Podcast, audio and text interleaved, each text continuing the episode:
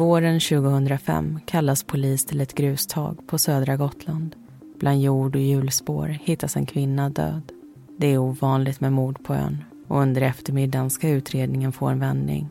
Ännu en kropp grävs fram, den här gången tillhörande en man. Offren identifieras som ett par boende i Hemse. Polisen vet vilka de är då de rör sig i missbrukarkretsar och brukar komma med tips. Snart har man två misstänkta i förvar. Mot dem står en 15-årings vittnesmål, ett avlyssnat telefonsamtal och två tidigare utredningar som kan ha varit startskottet för en brutal hämnd.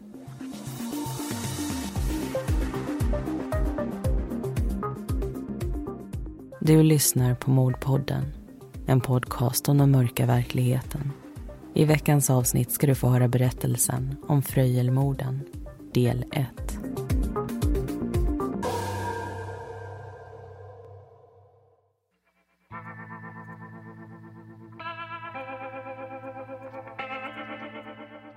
Det bor ungefär 60 000 personer på Gotland. Den största orten är välkända Visby med sin båthamn, ringmur och rika historia. Varje år kommer närmare en miljon besökare till ön. De är bland annat här för Almedalsveckan när politik och samhällsfrågor står i fokus. För Stockholmsveckan, då det festas sig vilt. Och Medeltidsveckan, då gatorna fylls med riddare, gyckel och marknadsstånd. För att inte nämna det historiska rollspelet mot Valdemar Atterdag den danska kungen som under 1300-talet invaderade Visby och sedan dess minns med stor förfäran. Flödet av turister är viktigt för det gotländska näringslivet. Men det har också sina baksidor. Sommaren är ofta en krävande period. Inte minst för sjukhus och blåljuspersonal. Olyckor och brott har dock inte ledigt resten av året. Och våren 2005 ska en särskilt stor utredning landa på polisens bord. Lördagen den 23 april beger sig en 24-årig man till ett grustag i närheten av Fröjel. Samhället är beläget drygt fyra mil söder om Visby och mannen är där för att arbeta. Fem minuter över nio den morgonen är han i fart med att fylla en skopa med jord. Men det är inte det enda han får med sig. 24-åringen får syn på någonting. Ur jorden sticker två ben fram. Innehållet i skopan töms och mannen får klart för sig att han har hittat en kropp. När polisen anländer konstaterar de att kroppen tillhör en kvinna och att hon har utsatts för kraftigt våld. Kriminaltekniker kallas ut för en platsundersökning och en rättsläkare från Uppsala får order att bege sig till ön.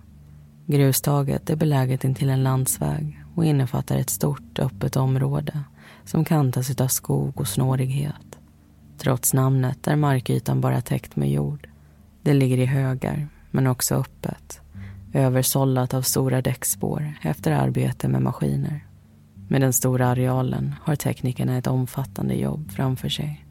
Jordhögen där kroppen hittats är ungefär 10 gånger 20 meter vid basen och 3,5 meter hög. Den ligger ovanpå en sluttning och i mitten av det bördiga materialet kan man observera en fördjupning samt blodbesudling. En indikation på att det är där kvinnan legat gömd.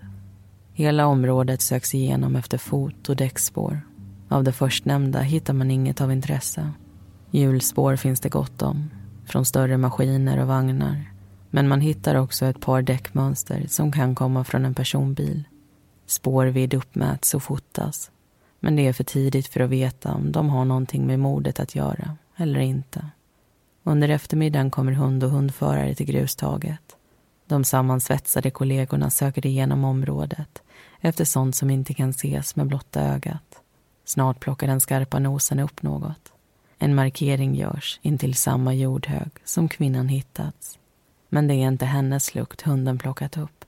Poliserna börjar gräva i jorden och klockan 14.54 hittar man en manskropp. Att mannen likt kvinnan bragts om livet finns det inga tvivel om. Båda har omfattande skador mot sina huvud och runt överkropp, armar och händer är de bundna med någon typ av lina. Mord blir till dubbelmord, ett synnerligen bestialiskt sådant. Då rättsläkaren gör sin undersökning noteras följande. Kvinnan har träffats av minst fyra slag mot sitt huvud. De har riktats mot vänstra gästregionen och högra tinningen och orsakat ett benbrott som resulterat i en deformation av hela skallen. Tillhygget som har använts har varit kantigt, likt en hammare eller baksidan av en yxa. Våldet har gett upphov till hjärnskador och det är på grund av dem som kvinnan dött. Mannen i fråga har mottagit mellan fem och sju slag. Skallbas, skalltak, huvudsvål och hjärna har alla skadats i processen och lett till hans död. Våldet har varit trubbigt och kantigt. Rättsläkaren antecknar också den höga koncentrationen av amfetamin som hittas i mannens kropp. Frågan som hänger i luften är varför någon så rått valt att avsluta deras liv och vem den personen kan tänkas vara.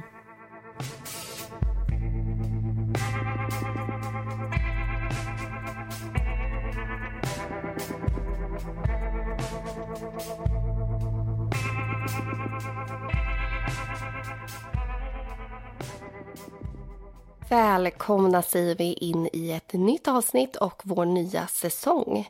Den här gången kommer vi berätta om fall från Öland och Gotland och det är ju något som har varit efterlängtat och efterfrågat sen ja, men allra första början faktiskt. Så sex söndagar kommer vi ta upp fall från just de här platserna, både lösta och olösta faktiskt. Och det känns som att det är någonting speciellt med små idylliska samhällen, öar, skärgård, sommardestinationer i stort egentligen som gör att man vill höra om mord som har utspelat sig i sådana miljöer. Och det kanske är för att man själv förknippar de här platserna med semester, man förknippar det med lugn och att just den här kontrasten mellan det härliga och det fridfulla får en att fundera över någonting som är totala motsatsen, som är tragiskt, mörkt och också våldsamt. Och jag tror också att våra deckarförfattare är en stor orsak till den bilden faktiskt. Camilla Läckberg som skrivit om Fjällbacka, Vivica Sten och morden i Sandhamn och på Gotland så har ju Anna Jansson tagit död på en del fiktiva karaktärer i sin serie om Maria Wern. Och när vi påbörjade vår research inför den här säsongen så tror jag både du och jag hade en tanke om att det skulle finnas en del intressanta fall här. Men det var faktiskt ganska svårt att hitta fall till just den här säsongen och det är också därför som vi inte tagit tag i de här öarna förrän nu. Och lämnar man poddvärlden och tittar ut i verkligheten är det ju såklart en jättebra sak att det har skett relativt lite mord här. Ja, och jag tror att det här också har att göra med befolkningsmängden. Som vi hörde i berättelsen så är ju ungefär 60 000 personer permanent bosatta på Gotland. Medan Öland i sin tur landar på ungefär 25 000 personer. Och det är ju faktiskt inte så himla mycket människor på de här ytorna. Nej, det är ju inte det. Men nu ska vi dock fokusera på Fröjelmorden. Vi lämnade berättelsen med en del frågor. En av dem var vilka offren är och det kom ju polisen fram till relativt snabbt. Både kvinnan och mannen som hittats identifieras inom 24 timmar. Det är ett gift par, 47-åriga Lena och 48-åriga Lars som varit bosatta i Hemse som ligger i mitten av södra Gotland, drygt 20 minuters bilfärd ifrån det här grustaget. Lena och Lars har varit försvunna ett tag när de hittas och till en början så tror man att det rör sig om mellan en vecka och tio dagar vilket sätter försvinnandet någonstans mellan den 13 och 16 april. Och det man vet om paret är det här. Lena och Lars de lever ju båda med ett missbruk och de rör sig i missbrukarkretsar. Polisen vet vilka de är, både då de förekommer i deras belastningsregister men också eftersom de brukar lämna tips till polisen. Och de här tipsen de handlar om olika brottsliga gärningar som bekanta till Lena och Lars ska ha begått. Och det här är ingen hemlighet att de gör så. Flera av människorna som Lars och Lena umgås med vet att de då och då anger folk till polisen. Men bara för att de vet om det så betyder inte det att det här är någonting uppskattat eller ens accepterat i den här kretsen. Människor som lever i samhällets utkant utav olika anledningar, de har ju ofta ett väldigt utsatt liv, vilket är varför man också ofta värnar om de som ställer upp för en. Så polisen förstår ju tidigt i utredningen att det här skulle kunna vara ett potentiellt motiv. Men man vill ju heller inte snöa in sig på något så man söker brett och går igenom den process som vilken mordutredning som helst innebär. Men vi tänkte faktiskt hoppa ifrån den för ett ögonblick och prata om två saker som ofta förekommer i våra avsnitt. Det är missbruk av alkohol och narkotika och det är psykisk ohälsa. Läser man om brottsutredningar så förstår man ganska snart att det är vanligt med just rättspsykiatriska undersökningar. Mm. Och just en paragraf 7-undersökning som vanligtvis tar en Head over to Hulu this March where our new shows and movies will keep you streaming all month long. Catch the award-winning movie Poor things starring Emma Stone, Mark Ruffalo and Willem Dafoe. Check out the new documentary Freaknik, The Wildest Party Never Told about the iconic Atlanta Street Party. And don't miss FX's Shogun a reimagining of the epic tale starring Anna Sawai. So, what are you waiting for? Go stream something new on Hulu. If you're looking for plump lips that last, you need to know about Juvederm lip fillers. With Juvederm Volbella XC and Juvederm Ultra XC, your lip look, whether it's subtle or bold, can last up to one full year with optimal treatment and no additional maintenance. Find a licensed specialist and see if it's right for you at Juvederm.com today. That's J U V E D E R M.com. Add fullness to lips in adults over 21 with Juvederm Volbella XC or Juvederm Ultra XC. Do not use if you have severe allergies or a history of severe allergic reactions, or if you're allergic to lidocaine or the proteins used in Juvederm. Tell your doctor if you have a history of scarring or taking medicines that decrease the body's immune response or that can prolong bleeding. Common side effects include injection site redness, swelling, pain, tenderness, firmness, lumps, bumps, bruising, discoloration, or itching. As with all fillers, there's a rare risk of unintentional injection into a blood vessel, which can cause vision abnormalities, blindness, stroke, temporary scabs, or scarring. For full important safety information visit juvederm.com. En timme genomförs på alla som misstänks ha begått ett brott som ger fängelse. Och så är det ju faktiskt också i det här fallet. Och vi ska gå händelserna lite i förväg och säga som så att gärningspersonen eller gärningspersonerna i det här fallet, de tillskrivs ett par diagnoser i och med det här. Personlighetsstörningar, ADHD, depression samt ångest med mera. Och vid sidan om det här så finns också ett alkoholmissbruk och ett narkotikamissbruk. Och det här är faktiskt vanligt förekommande att psykisk ohälsa och beroende går hand i hand. Och det finns till och med ett namn för det som heter samsjuklighet. Och tittar vi på statistiken från 2020 så var det så att fler än hälften av de som fick vård för beroendeframkallande substanser då också vårdades för en eller flera psykiatriska diagnoser.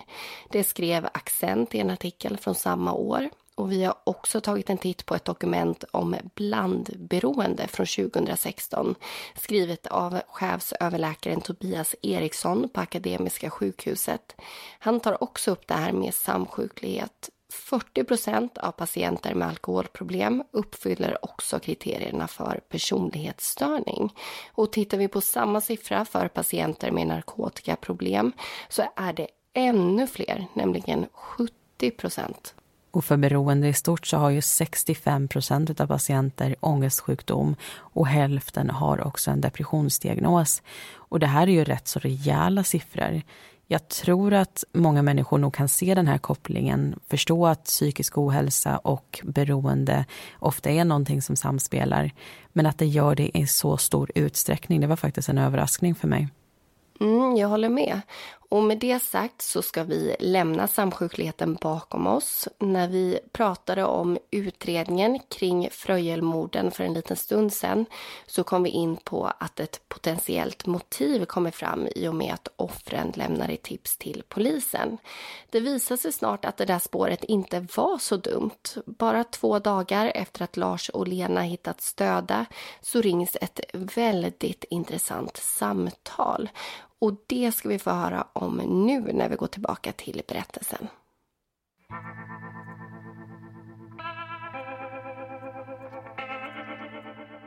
Måndagen den 25 april ringer en 15-årig flicka till sin kompis.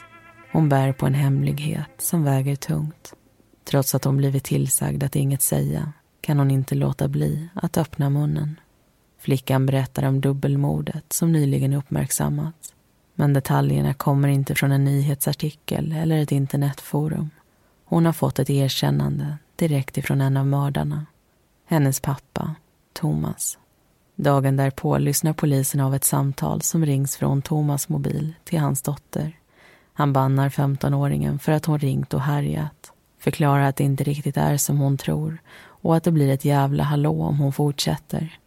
Säg nu inget mer till någon annan överhuvudtaget, säger han.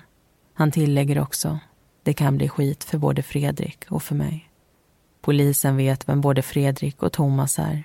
Männen förekommer redan i utredningen eftersom de umgåtts i samma kretsar som offren.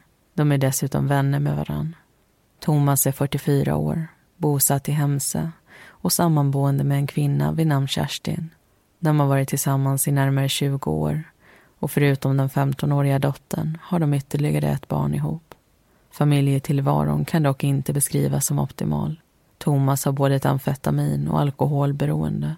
Problemen startade i tonåren och även om han beskrivs som väldigt snäll har han dömts för en rad brott. Det stämmer också in på den andra mannen, 25-åriga Fredrik.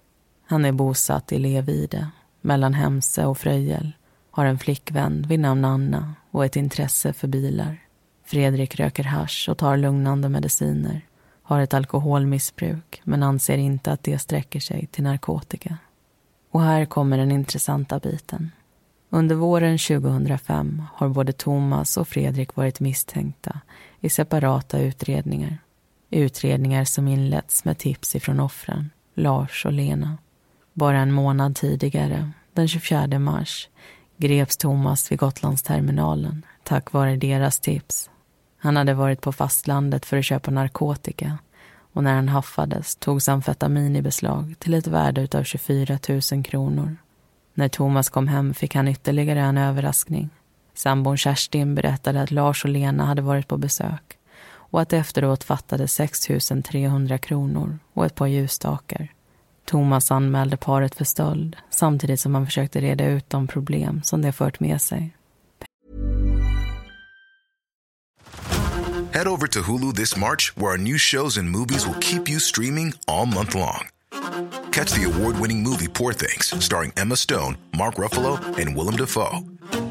Check out the new documentary, Freaknik The Wildest Party Never Told, about the iconic Atlanta Street Party. And don't miss FX's Shogun, a reimagining of the epic tale, starring Anna Sawai. So, what are you waiting for? Go stream something new on Hulu. Pengarna var till hyran och det fanns ingen buffert att ta av. Vad gäller Fredrik hade Lena pekat ut honom som ansvarig för stöld på en buss. Polisen tog misstankarna på allvar och genomförde en husrannsakan i 25-åringens bostad. Han fick sitta i förhör och svara på frågor.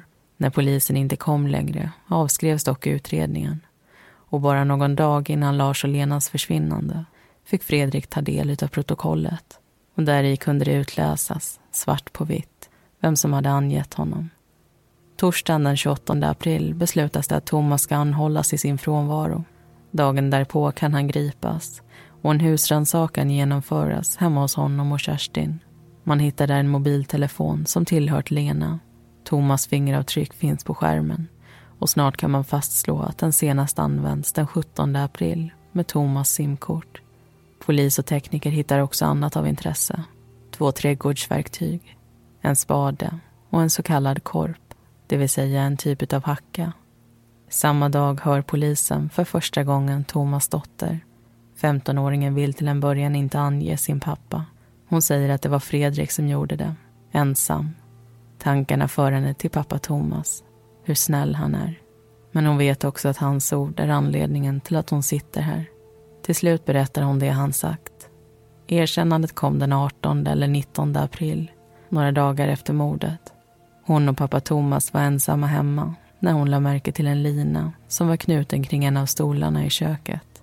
Dottern frågade varför den hängde där och Thomas svarade att hon skulle räcka över den eftersom det kunde ge honom fängelse. Hon gjorde som hon blev tillsagd och pappan kastade bort den. Sen fortsatte han att prata. Pappan sa att han och Fredrik hade dödat Lena och Lars och det skulle dottern hålla hemligt. Lena hade slagits med en spade, svimmat och sedan mottagit fler slag innan de täckt henne med jord. Thomas beskrev hur de kunde höra någonting som liknade andetag efter det och väntade tills det blev tyst. Sen hämtade de Lars som satt i bilen. Han slogs två gånger med något trädgårdsredskap och begravdes sen intill sin fru. Kommer du ihåg vilka ord han använde när han berättade vad han gjort med Lena och Lars? säger förhörsledaren. Att de ligger nedgrävda, svarar dottern. Sa han så? Fortsätter förhörsledaren. Och dottern svarar. Ja. Tre dagar efter Thomas gripande anhålls också Fredrik. Det blir till häktningsförhandling och båda männen genomgår en liten sinnesundersökning. Förhörsledarna tar med sig vittnesmål, bevisning och detaljer kring morden in i samtalen med de båda. I förhörsrummen börjar också de misstänktas egna berättelser att ta form. Det finns både likheter och olikheter i dem. Båda är ense om att Lars och Lena dog kvällen den 16 april. De var båda där, men spelade olika roller i det som hände. Fredrik berättar hur han blev indragen i en plan som gick ut på att skrämma det gifta paret. Men också hur det hela urartade innan han hann reagera. Thomas i sin tur erkänner att han är ensam ansvarig för både Lars och Lenas död. Men det är inte så enkelt som det låter. Tanken var aldrig att döda. Det som hände var en mix av förblindat raseri, chock och ett försök att försvara sig. Den 6 maj ska Thomas byta cell på häktet. I samband med flytten hittas en lapp under hans skrivbord. På den står det en man han hade en spade, men han var bara en. Jag tar stöten. Mina vänner kan gå på roligare möten. Inne på en toalett hittas ytterligare en text. Jag torskar alltid ensam. Meddelandet är signerat med Thomas namn och datumet den 4 maj. Mindre än en månad senare tycks 44-åringen dock ha ändrat sig. Han berättar nu att Fredrik visst var delaktig i det som hänt.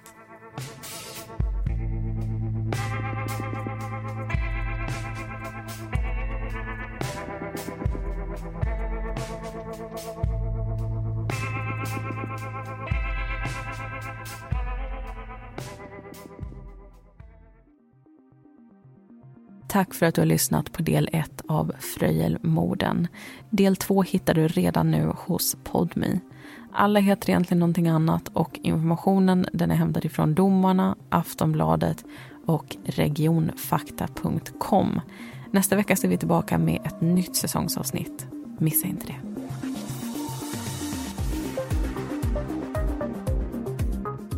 Vi som gör Mordpodden heter Linnea Bolin och Amanda Strömqvist.